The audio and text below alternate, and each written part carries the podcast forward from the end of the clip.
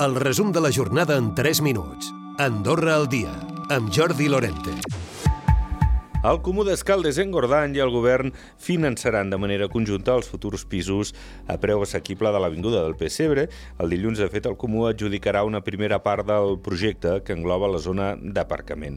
El cost total es preveu en uns 8 milions d'euros i sortirien 36 apartaments.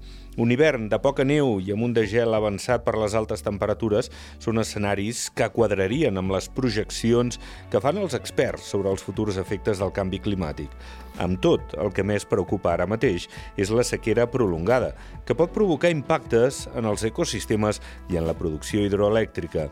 S'hi referien l'Anna Albalat, l'investigadora d'Andorra Recerca Més Innovació, i la climatòloga del Servei Meteorològic Nacional, Lucía Rivero. Aquest any està sent deficitari amb, amb tema de neu.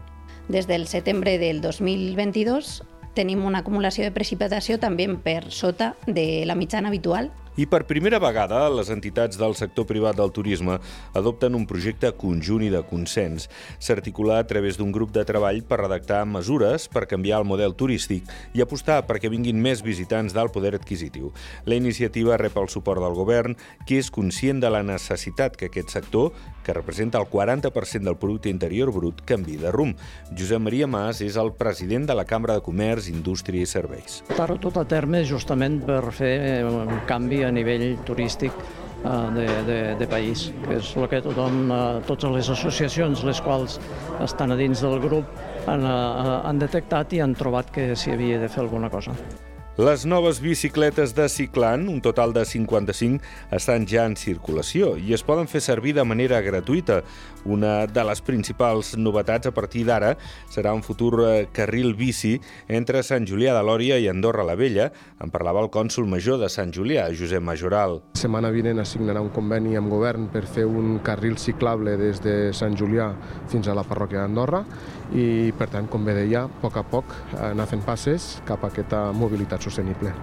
I en plana política, Demòcrates ha presentat aquest divendres el programa electoral amb l'habitatge i l'acord d'associació com a punts clau.